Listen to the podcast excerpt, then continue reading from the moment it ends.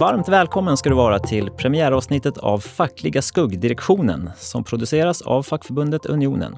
Jag som har äran att hälsa dig välkommen heter Tobias Brännemo och är chefsekonom på Unionen. Och jag har samlat några av den fackliga världens vassaste ekonomer för att leverera en analys av ekonomiska läget ur löntagarnas perspektiv, men inte minst landa i vilket räntebeslut vi hade fattat om vi satt i Riksbankens direktion.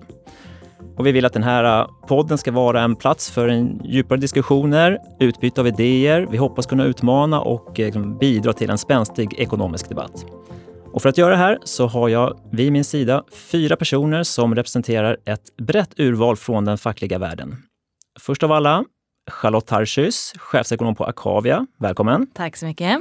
Akavia delar lite grann en egenhet med Unionen som liksom är en sammanslagning av två fackförbund som i sig hade ganska självförklarande namn, men sen så har det blivit något annat när man slås ihop kanske. Vill du förklara vad Akavia är? Ja, det stämmer. Det är många som blir förvirrade, men det är alltså tidigare Jusek och civilekonomerna som numera heter Akavia. Eh, och det står ju för eh, den akademiska vägen. Det är den man har valt om man har gått med i de här förbundet. Och det är ju eh, helt enkelt jurister, ekonomer, samhällsvetare, IT, HR och kommunikatörer som är våra medlemmar. Just det.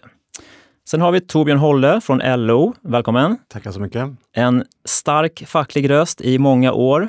Vill du berätta lite om din roll på LO nu? Ja, jag jobbar som LO-ekonom och eh, har sedan ett antal år tillbaka också varit chef för arbetsmarknadsfrågor. Så det är min portfölj. Mm. Och lika roligt, få välkomna hit Håkan Regner från Saco. Mångårig på Saco, bördig från Kalmar. Det sägs ju att smålänningar är lite sparsamma av sig. Präglar det här din ekonomiska analys på något sätt tror du? Eh, tackar, tackar. Eh, absolut, det är klart. Det är helt avgörande för jag fattar mina beslut och jag bedömer ekonomin som helhet. Utmärkt.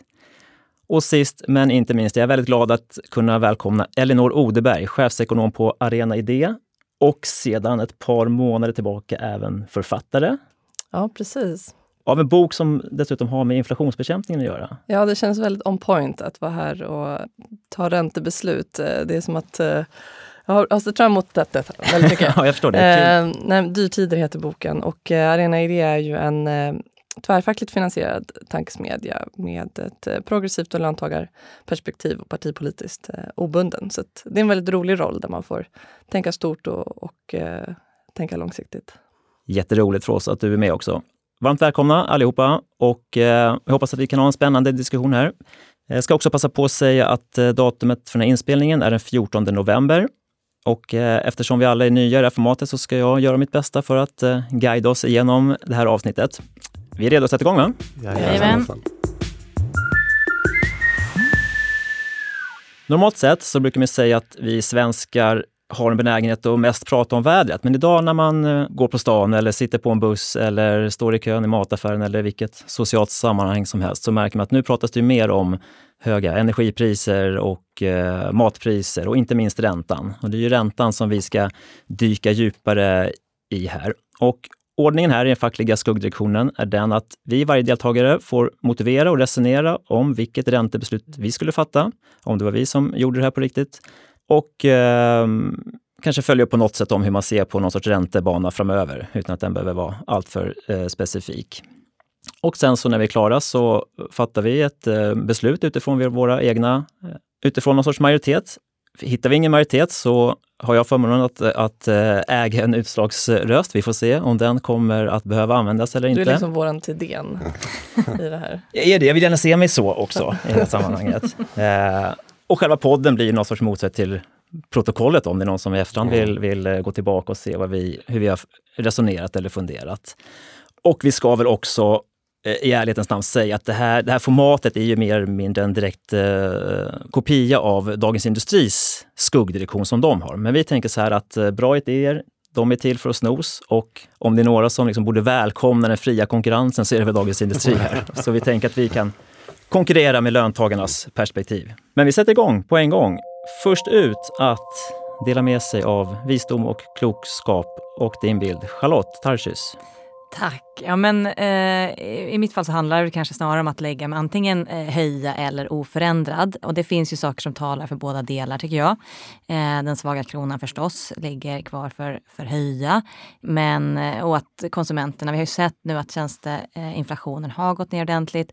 Men det är ju fortfarande så att, att många vill åka och dansa minidisco med Lolo Bernie och vi ser att paketresorna eh, ligger kvar på ganska höga nivåer.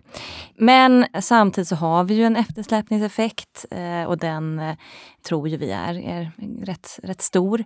Och eh, inte minst konjunkturen ser ju eh, så pass oroväckande ut. Eh, så i eh, slutändan så blir det att vila på hanen. Pausa höjningen men ha kvar fingret på knappen helt enkelt. Vi förstår, tack så mycket.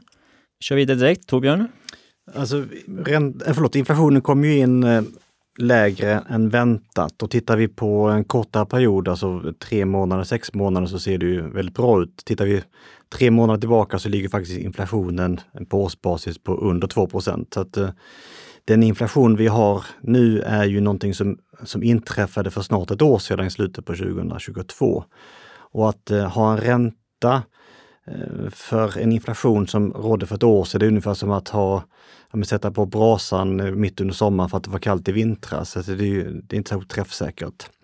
Eh, och det finns ju goda skäl att, att Sverige ska ligga lägre än ECB. ECB ligger på 4% Sverige har en, vi har en utbudsdriven inflation, eh, allt väsentligt utbudsdriven.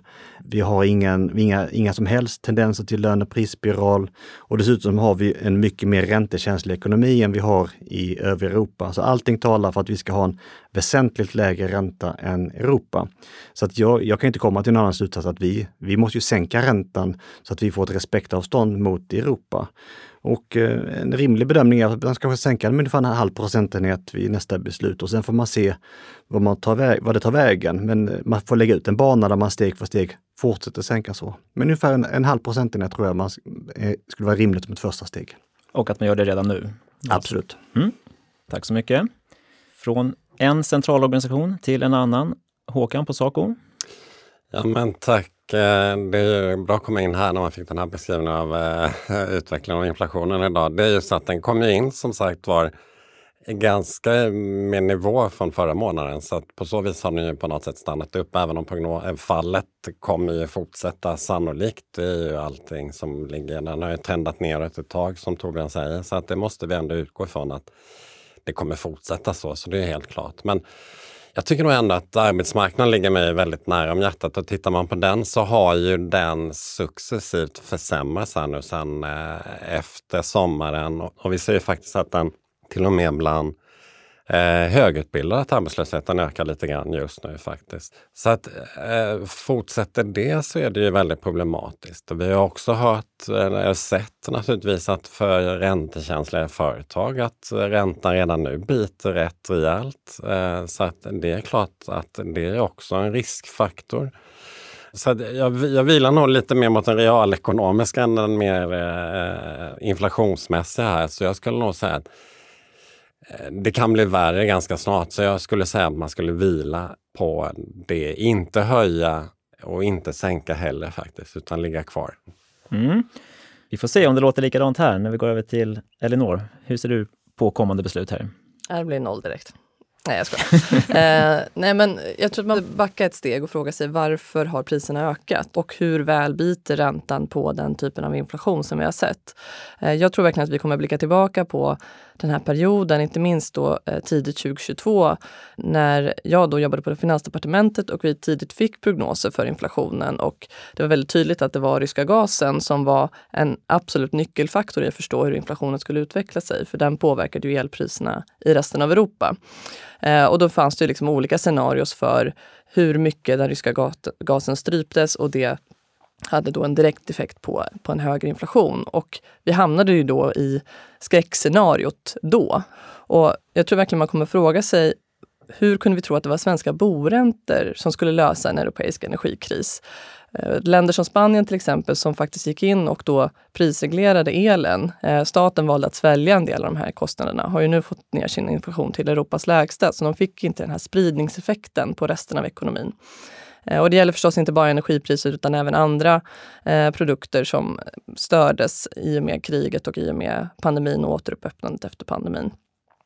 Så därför så, så skulle jag mer säga att det behövs finanspolitiska instrument snarare än penningpolitiska instrument för att hantera inflationen och att det blir att lägga sten på bördan för hushållen som ju egentligen inte har orsakat den här situationen. Eh, det är alltså inte att vi löntagare har plötsligt fått dubbelt så bra betalt och vi har en väldigt efterfrågedriven inflation utan den är till stor del utbudsdriven och då behövs det andra instrument än räntan. Däremot så har vi ju nu då en period då vi har höjt räntan väldigt kraftigt och väldigt snabbt. Vi har ännu inte sett helt och hållet effekterna av det. Det finns den här eftersläpningen som Charlotte lyfte. Och jag tror att den här pendeleffekt, de här pendelsvängningarna som vi har sett inom penningpolitiken är skadliga för ekonomin. Så även om jag tycker att Riksbanken har gått för hårt fram här eh, och att vi riskerar att få betala, och redan gör det i form av avstannat bostadsbyggande, högre arbetslöshet och så vidare, så skulle jag heller inte vilja att vi eh, liksom drar för mycket heller åt andra hållet. Eh, så jag skulle väl lägga mig på typ 3,75 ungefär nästa vecka, men kommunicera tydligt att vi ser framför oss att räntan behöver gå ner och eh, ha en räntesänkningsbana. För att det är ju så trots allt som deras prognoser framförallt används som ett symbolvärde utåt. Just det, och för tydlighetens skull så innebär det alltså att räntan ska sänkas med 0,25 mm. procent. För att komma till 3,75. Och så kan man kanske mm. fortsätta, fortsätta så bit för bit tills vi hamnat på en mer normal ränta. Ja, tack så mycket. Då tar jag själv över. Och eh, vi står ju liksom nu inför en eh, mörk och lång vinter möjligtvis. Så jag tycker ibland vi liksom blickar framåt mot något lite ljusare och eh, jag tänker på den här perioden i vår när liksom man börjar bli lite gladare och eh, favoritperioden på året mellan hägg och syren, när eh, det grönskar i naturen. Visste ni förresten att det kommer tydligen från en skomakare som någon gång i tiden ville ta semester just den här tiden och satte upp en lapp på rutan att mm. stängt mellan hägg och syren. Ja, fint. Ja, men eh, låt mig återkomma till just det där. Men vi på, vi på Unionen, vi har en central plats i lönebildningen, en del av märkessättningen i de stora avtalsrörelserna. Jag vill fokusera lite grann på det här samspelet mellan lönebildningen och penningpolitiken. För när den här inflationschocken som vi har haft den senaste tiden sen har klingat av, vilket vi ser många tecken på att den gör, så ser vi också att det, det skulle framför allt vara via höga löneökningar som det skulle finnas ett mer bestående, mer långvarigt inflationstryck i ekonomin. Och det där är ett hot då och det hotet finns i många andra länder, men det gör ju inte det i Sverige, precis som du var inne på Torbjörn. Vi har ju med våra avtal som träffades i våras liksom tagit bort hela den faktorn. Både med själva löneökningarna, som de var lite högre, eller de var högre än, än eh, på länge, men inte på nivå att de liksom hotar inflationsmålet. Och de var också tvååriga, våra avtal, vilket ger liksom tillräckligt lång tid för att eh, kunna ha ett visst lugn. Vi som parter gav liksom Riksbanken en present här. Det var inte någon liten dålig present som någon ja, vad som är dålig present, en gammal kofta eller något eh, tråkigt pensken. Vi kom ju liksom med en hel ponny i present. Och det här tycker jag att det här borde de ha blivit gladare för än vad de faktiskt blev. För att det här hade kunnat format redan då egentligen, i våras, när man fick det här beskedet, hade man kunnat tänka, tänka om och eh, ändrat eh, vilken penningpolitik man för. Men istället verkar det som att de reagerade ungefär som att okej, nu har parterna tagit ansvar. Nu är det ännu viktigare för oss att snabbt som möjligt få ner inflationen. Så man liksom motiverade nästan ytterligare räntehöjningar med det. Men jag, som jag ser det, det kan liksom inte vara på det sättet som vi får ut det bästa ur samspelet mellan lönebildningen och penningpolitiken. Så jag tror också, jag tror att de här senaste räntehöjningarna, de har varit i onödan. De hade inte behövts för att få ner inflationen och de skadar nu ekonomin mer än nödvändigt. Vi ser det på bostadsmarknaden och på arbetsmarknaden som ni har varit inne på redan. Men däremot, och nu kommer jag nog in på lite grann som du var inne på, Elinor också. Jag tänker att det är alltid bäst för ekonomin med liksom stabilitet och förutsägbarhet på något sätt. Så därför tror jag inte att det vore klokt att redan nu, och då utifrån hur Riksbanken har agerat hittills, så skulle det vara en helt 180-vändning om man nu direkt sa att vi sänker räntan. Så mitt beslut blir också att hålla oförändrat nu. Förmodligen kanske göra likadant vid något till möte, men sen framåt våren tydligt inleda liksom en räntesänkningscykel. För att knyta ihop säcken att när vi då står där mellan hägg och syren så är vi i alla fall inne i en annan, en annan räntemiljö än vad vi är i nu.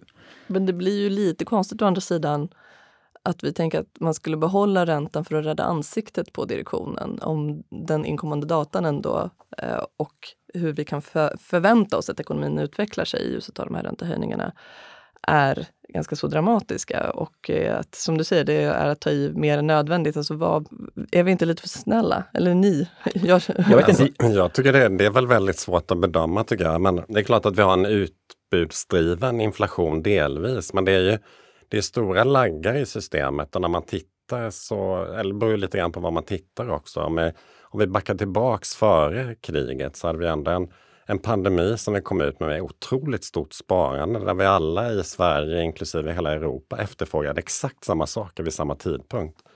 Så där blev det en extrem efterfrågepush och den låg kvar. Sen blev det också en utbudseffekt så att säga av det och det blir det av äh, även äh, det här äh, invasionen naturligtvis. Det, det är ju svårt att, att separera det. Det måste vi, det måste vi ändå... Absolut, det är lite höna och ägg det blir komplicerat så att säga, även om jag tycker att Riksbanken idag väljer att helt bortse från utbudssidan lite grann i sin argumentation när de, när de höjer räntan. Men med det sagt så tycker jag just att det är en sån stor tveksamhet i, i den drivkraften. Eh, jag Men tänker också väldigt... om att behålla räntan på nuvarande nivå, det är, det är att hålla räntan på samma nivå som EMU-området. Ja, det, det, det, och, det, och det, det är ett område som eh, som har mycket lägre räntebindningar, eller mycket, förlåt, mycket längre räntebindningar än Sverige har. Alltså, alltså effekten av räntan är mycket lägre i euroområdet än i Sverige. Eh, det, det, det är ett område som inte har eh, en centraliserad lönebildning. Alltså, jag, jag tycker man, ska, man måste vända på det. Vad är det som talar för att Sverige ska ha samma ränta som ett område som har samma inflation med mycket högre risk för en pris och lönespiral? Ja, det, det, finns ju flera faktorer tycker jag. Ett är att det är svårt att avvika. Vi har en svag krona till exempel. Och jag tror att jag menar, det, vi har ju ändå hushåll som kan hantera det just nu i alla fall, de här räntehöjningarna. Konsumtionen minskar men det, risken är inte uppenbart. Det skulle Konsumtionen vara har inte minskat så kraftfullt nej, inte på, kraftfullt. början på 90-talet. Nej, nej, men precis, absolut den faller men vi ser inte någon jättestor effekt ännu. Arbetslösheten bland byggnadsarbetare har ökat med 30 procent. Ja, 30 procent, men enhetsmässigt så jag tycker inte att det är tillräckligt stora effekter för att än, ännu göra det. Det är klart om, om, om jag sätter mitt scenario där jag verkligen tror på en rejäl lågkonjunktur framöver, då skulle jag vara beredd att gå i en en annan riktning. Jag ser inte den lågkonjunkturen exakt vid det här tillfället. Men vi har ju testat att försöka försvara kronan via räntan senast på 90-talet. Det gick ju inte jättebra nej, eh, den gången. Nej, eh, nej, och jag tror att det, någonstans, penningpolitiken just nu är ju väldigt läroboksstyrd och jag tror att vi har inte haft det här samhällsekonomiska problemet på typ 30 år, alltså en hög inflation. Och det är lite yrvaket hanterat från alla aktörer skulle jag säga. Och det beror ju på att man nästan har räknat ut det som ett problem liksom, när, det, när det väl eh, slog till. Och där säger ju läroboken då ja, men vi måste höja räntan eh, om andra centralbanker höjer räntan. För att på så vis så försvarar vi kronan och liksom att det blir lägre avkastning på kronan ifall vi har en lägre räntenivå. Samtidigt så är det så många andra faktorer som spelar in i synen på svensk ekonomi i sin helhet. Vilken Absolut. bild av Sverige kavlas ut just mm. nu. Det är koranbränningar, det är terrorhot, det är gängkriminalitet. Mm. Eh, det påverkar investeringsviljan i svenska kronor. Många investerare ser ju också de här riskerna i fastighetsbranschen, risken för en fastighetskris, det som Torbjörn är inne på, de svenska hushållens räntekänslighet. Där vi till och med sett kronförsvagningar direkt efter en räntehöjning vissa mm. tillfällen. Ja, eh, för att många investerare räds detta. Mm. Och ytterligare ett, ett faktor är ju också vår låga statsskuld faktiskt. Eh, alltså om Sverige inte investerar i Sverige, varför skulle någon annan vilja investera i mm. Sverige? Eh, och nu är det ju många investerare som vill söka sig mot stabila värdepapper, mot statspapper och då finns det helt enkelt för lite sådana statspapper på marknaden, vilket också spelar in i kronförsvagningen. Så det är en väldigt Absolut, komplex, komplex mosaik. Så, är det, så det är inte så enkelt Nej. som att säga att, att vi behöver höja räntan för att försvara kronan, för det riskerar också att få effekter som i sin tur skulle både påverka svensk ekonomi och eh, kronans ställning. Ja, jag tror inte att vi ska vara så rädda för att ha en annan... Eller, hela poängen med att ha en självständig centralbank och eh, att inte vara med i euroområdet till exempel, måste ju kunna vara att vi också för en någorlunda eller kan föra en annan eh, penningpolitik. Jag vill bara påpeka det Tobias, att du precis har föreslagit att vi ska föra samma politik som euroområdet. Så ja, men, och, och, du, och eh, Elinor var inne på att, att rädda ansiktet på Riksbanks eh, direktionsledamöter. Det har, har inte med det att göra, utan menar bara att, att, att göra för snabba omsvängningar tror jag Men i är det, sig är det kan vara... Är det verkligen rimligt att beskriva en sänkning med, som jag föreslår med 0,5 och som Elinor föreslår med 0,25 som en snabb omsvängning? Det är väl en mycket marginell justering jämfört med nuvarande läget när räntan är 4 procentenheter. Nej, och jag är med dig på att den behöver ske och kanske längre än så också, men, men, men att, det, att tajmingen spelar också roll. Och om man har haft en viss kommunikation som då Riksbanksdirektionen har haft under den här tiden så skulle det vara inte utifrån hur vi ser det, men utifrån hur de ser det och den riksbanksrealiteten som är nu. Vad skulle vara värsta scenariot om räntan sänks för mycket då i någon mening? Om teoretiskt säger att, att de skulle göra en sån här omsvängning då redan nästa vecka. Ja, en möjlig effekt skulle kunna vara växelkursen. Annan, ehm, det är kanske lite diffust, men en allmän um, oro eller att uh, för stor... Jag, jag, jag, tror verkligen på att stora svängningar som sker för snabbt är av ondo. Men viss osäkerhet kan väl också uppstå på de finansiella marknaden kanske, att man om vi avviker för mycket från övriga världen. Jag vet inte hur det kan påverka, men en viss effekt kan man väl tänka sig att det skulle ha, även om den är svårbedömd kan jag tycka då i någon form av teoretisk utgångspunkt kanske. Jag tänk, för mig är det nog mer ett uttryck av ödmjukhet. Det kanske folk inte tror som, som lyssnar på mig i, i, i andra sammanhang. Men eh, jag skulle, om jag har rätt, så att säga, eller vi har rätt i den här synen på vad det är som driver inflationen um, och eh, de här negativa effekterna som den, eh, räntehöjningarna får och så vidare, så skulle jag egentligen sänka räntan mer. Men det är liksom ett uttryck för någon slags ödmjukhet att det kanske finns någonting här som eh, jag underskattar, eller vi underskattar och därav mm. eh, inte går lika fort fram. Mm. Eh, men jag är ju inte så ödmjuk så att jag tror att den här nivån är liksom den rätta nivån. Vi har höjt räntan med över 400 procent på ett år. Mm. Eh, hushållen är... Från låga nivåer dock. Men, Absolut, men hushållen är dubbelt så skuldsatta nu som de var på 90-talet. Det är fem gånger dyrare att köpa en bostadsrätt i Stockholms innerstad än vad det var liksom på mitten av 90-talet, justerat för lönerna. Eh, svenska bostadspriser har gått upp med 176 procent, snabbast i hela OECD sedan 90-talet. Så att svenska hushåll är ju ofrivilligt skuldsatta på väldigt höga nivåer. Så att en ränta som, som Torbjörn är inne på, som är en låg ränta i en annat typ Europaland där man har bindningstider på 30 år, eh, kan ha, vara en väldigt, väldigt åtstramande ränta i den svenska ekonomin av det skälet. Jag tror jag är helt med er på var räntan borde vara ungefär, men kanske inte samma bild av exakt vägen dit och tajmingen. Charlotte, du var ju ändå inne och vägde på en höjning också. Ja, men precis. Nej, men, och det, det var väl innan dagens siffror skulle jag säga. Nu, nu tycker jag dagens siffror var ändå så pass eh, eh mindre oroväckande, positiva så att säga.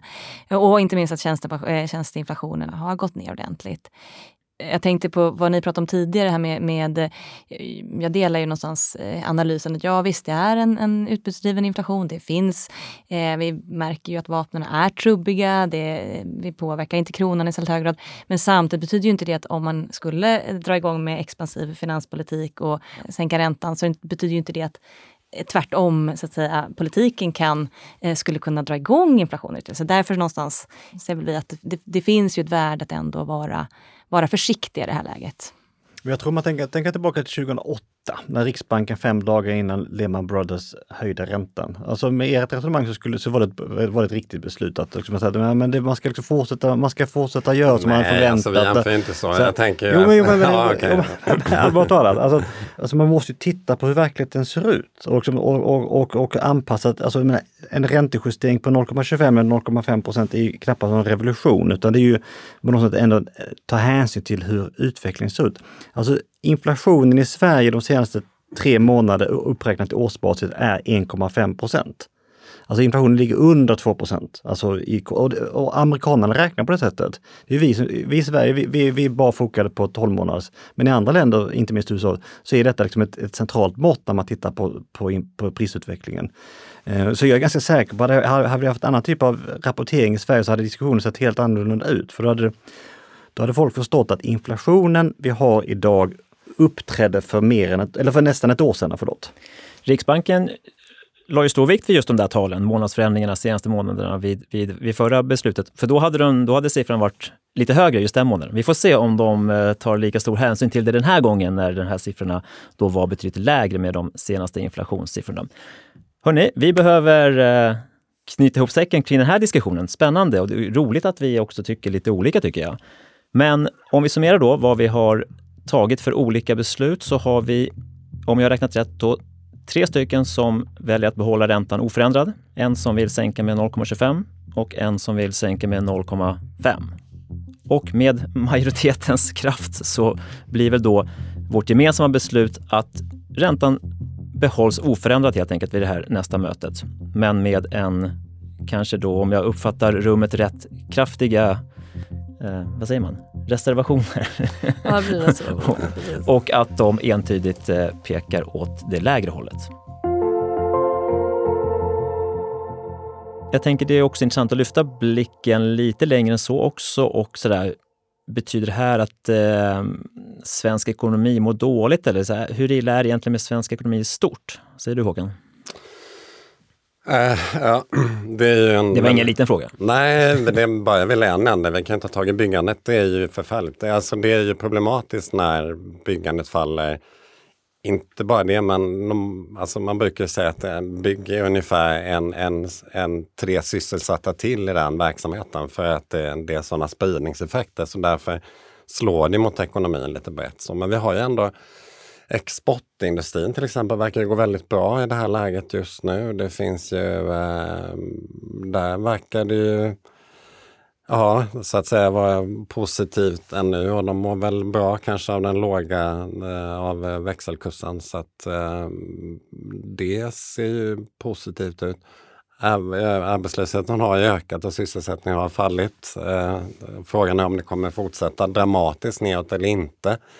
Det beror väl lite grann på också hur omställningen ser ut framöver. Vi vet ju också att det finns kompetensbrist inom många sektorer. Mm. Så att har vi, nu är vi tillbaks i finanspolitik på något sätt igen också. Det behövs, det behöver ju naturligtvis effektivt utbildningssystem och möjlighet att ställa om snabbt. Då kan man hantera en hel del av den här problematiken. Så det finns ju, det finns ju en del i ekonomin som är rätt okej okay fortfarande ändå.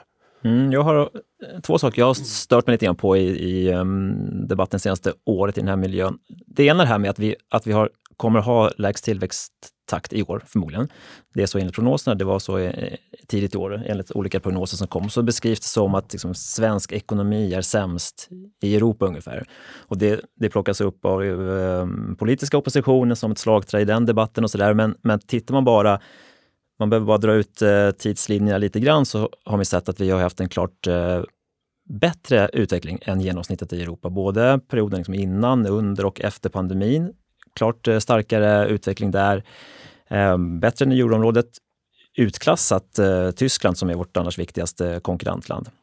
Ungefär likadant, eh, alltså vid finanskrisen klarade den bra, drabbades mindre av eh, eurokrisen efter det och hela 2000-talet så har vi haft klart högre tillväxt än till exempel euroområdet. En viss del av det förklaras av liksom, snabbare befolkningstillväxt, men även i BNP per capita har det varit också klart högre ökning här. Liksom, förklarat av produktivitet, konkurrenskraftiga företag, ekonomi som ändå i grunden fungerar väl. Det var den ena saken. Den andra saken är det här med att vi har ett av de högsta arbetslöshetstalen i Europa som också beskrivs som att vi har liksom, en, en eh, svag arbetsmarknad eller liknande. Men där jag menar att det beror till stor del på en, en ambition av att vi vill och försöker få människor i arbete. Och det här har varit liksom ett signum för Sverige. Tidigare var det kring att få öka kvinnors arbetskraftsdeltagande. Nu har vi samma ambition när det gäller utrikes födda. Vi har liksom riggat våra välfärdssystem för att man ska stå till arbetsmarknadens förfogande för att få ta del av vissa eh, ersättningar och så.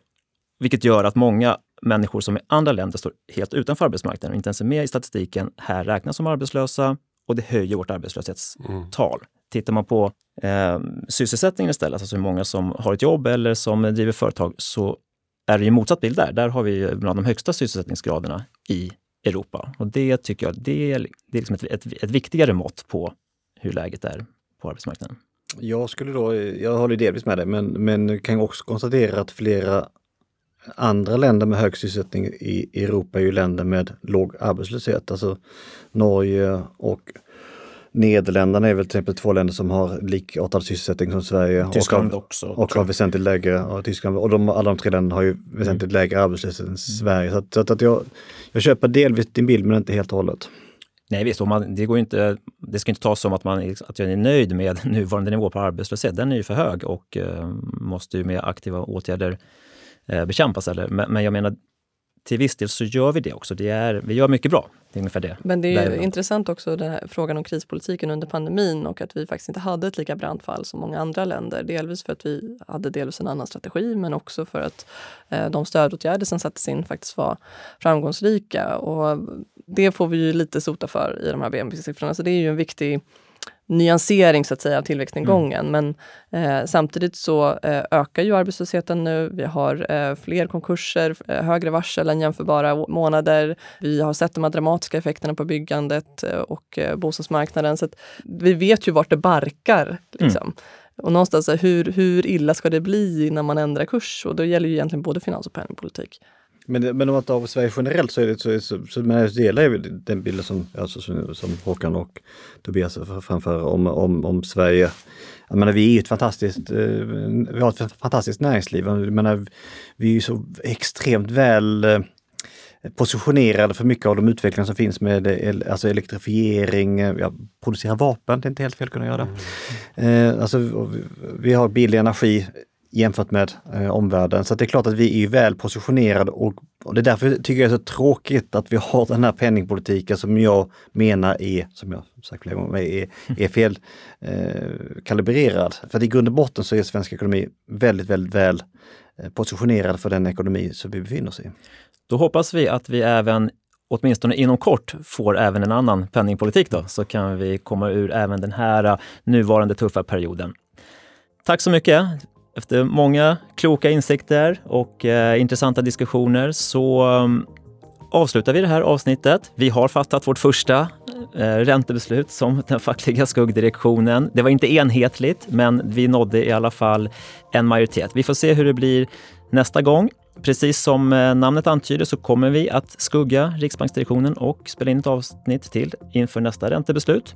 Har ni några frågor till oss i panelen? Varmt välkomna att höra av er direkt till mig på tobias.brannemo.unionen.se.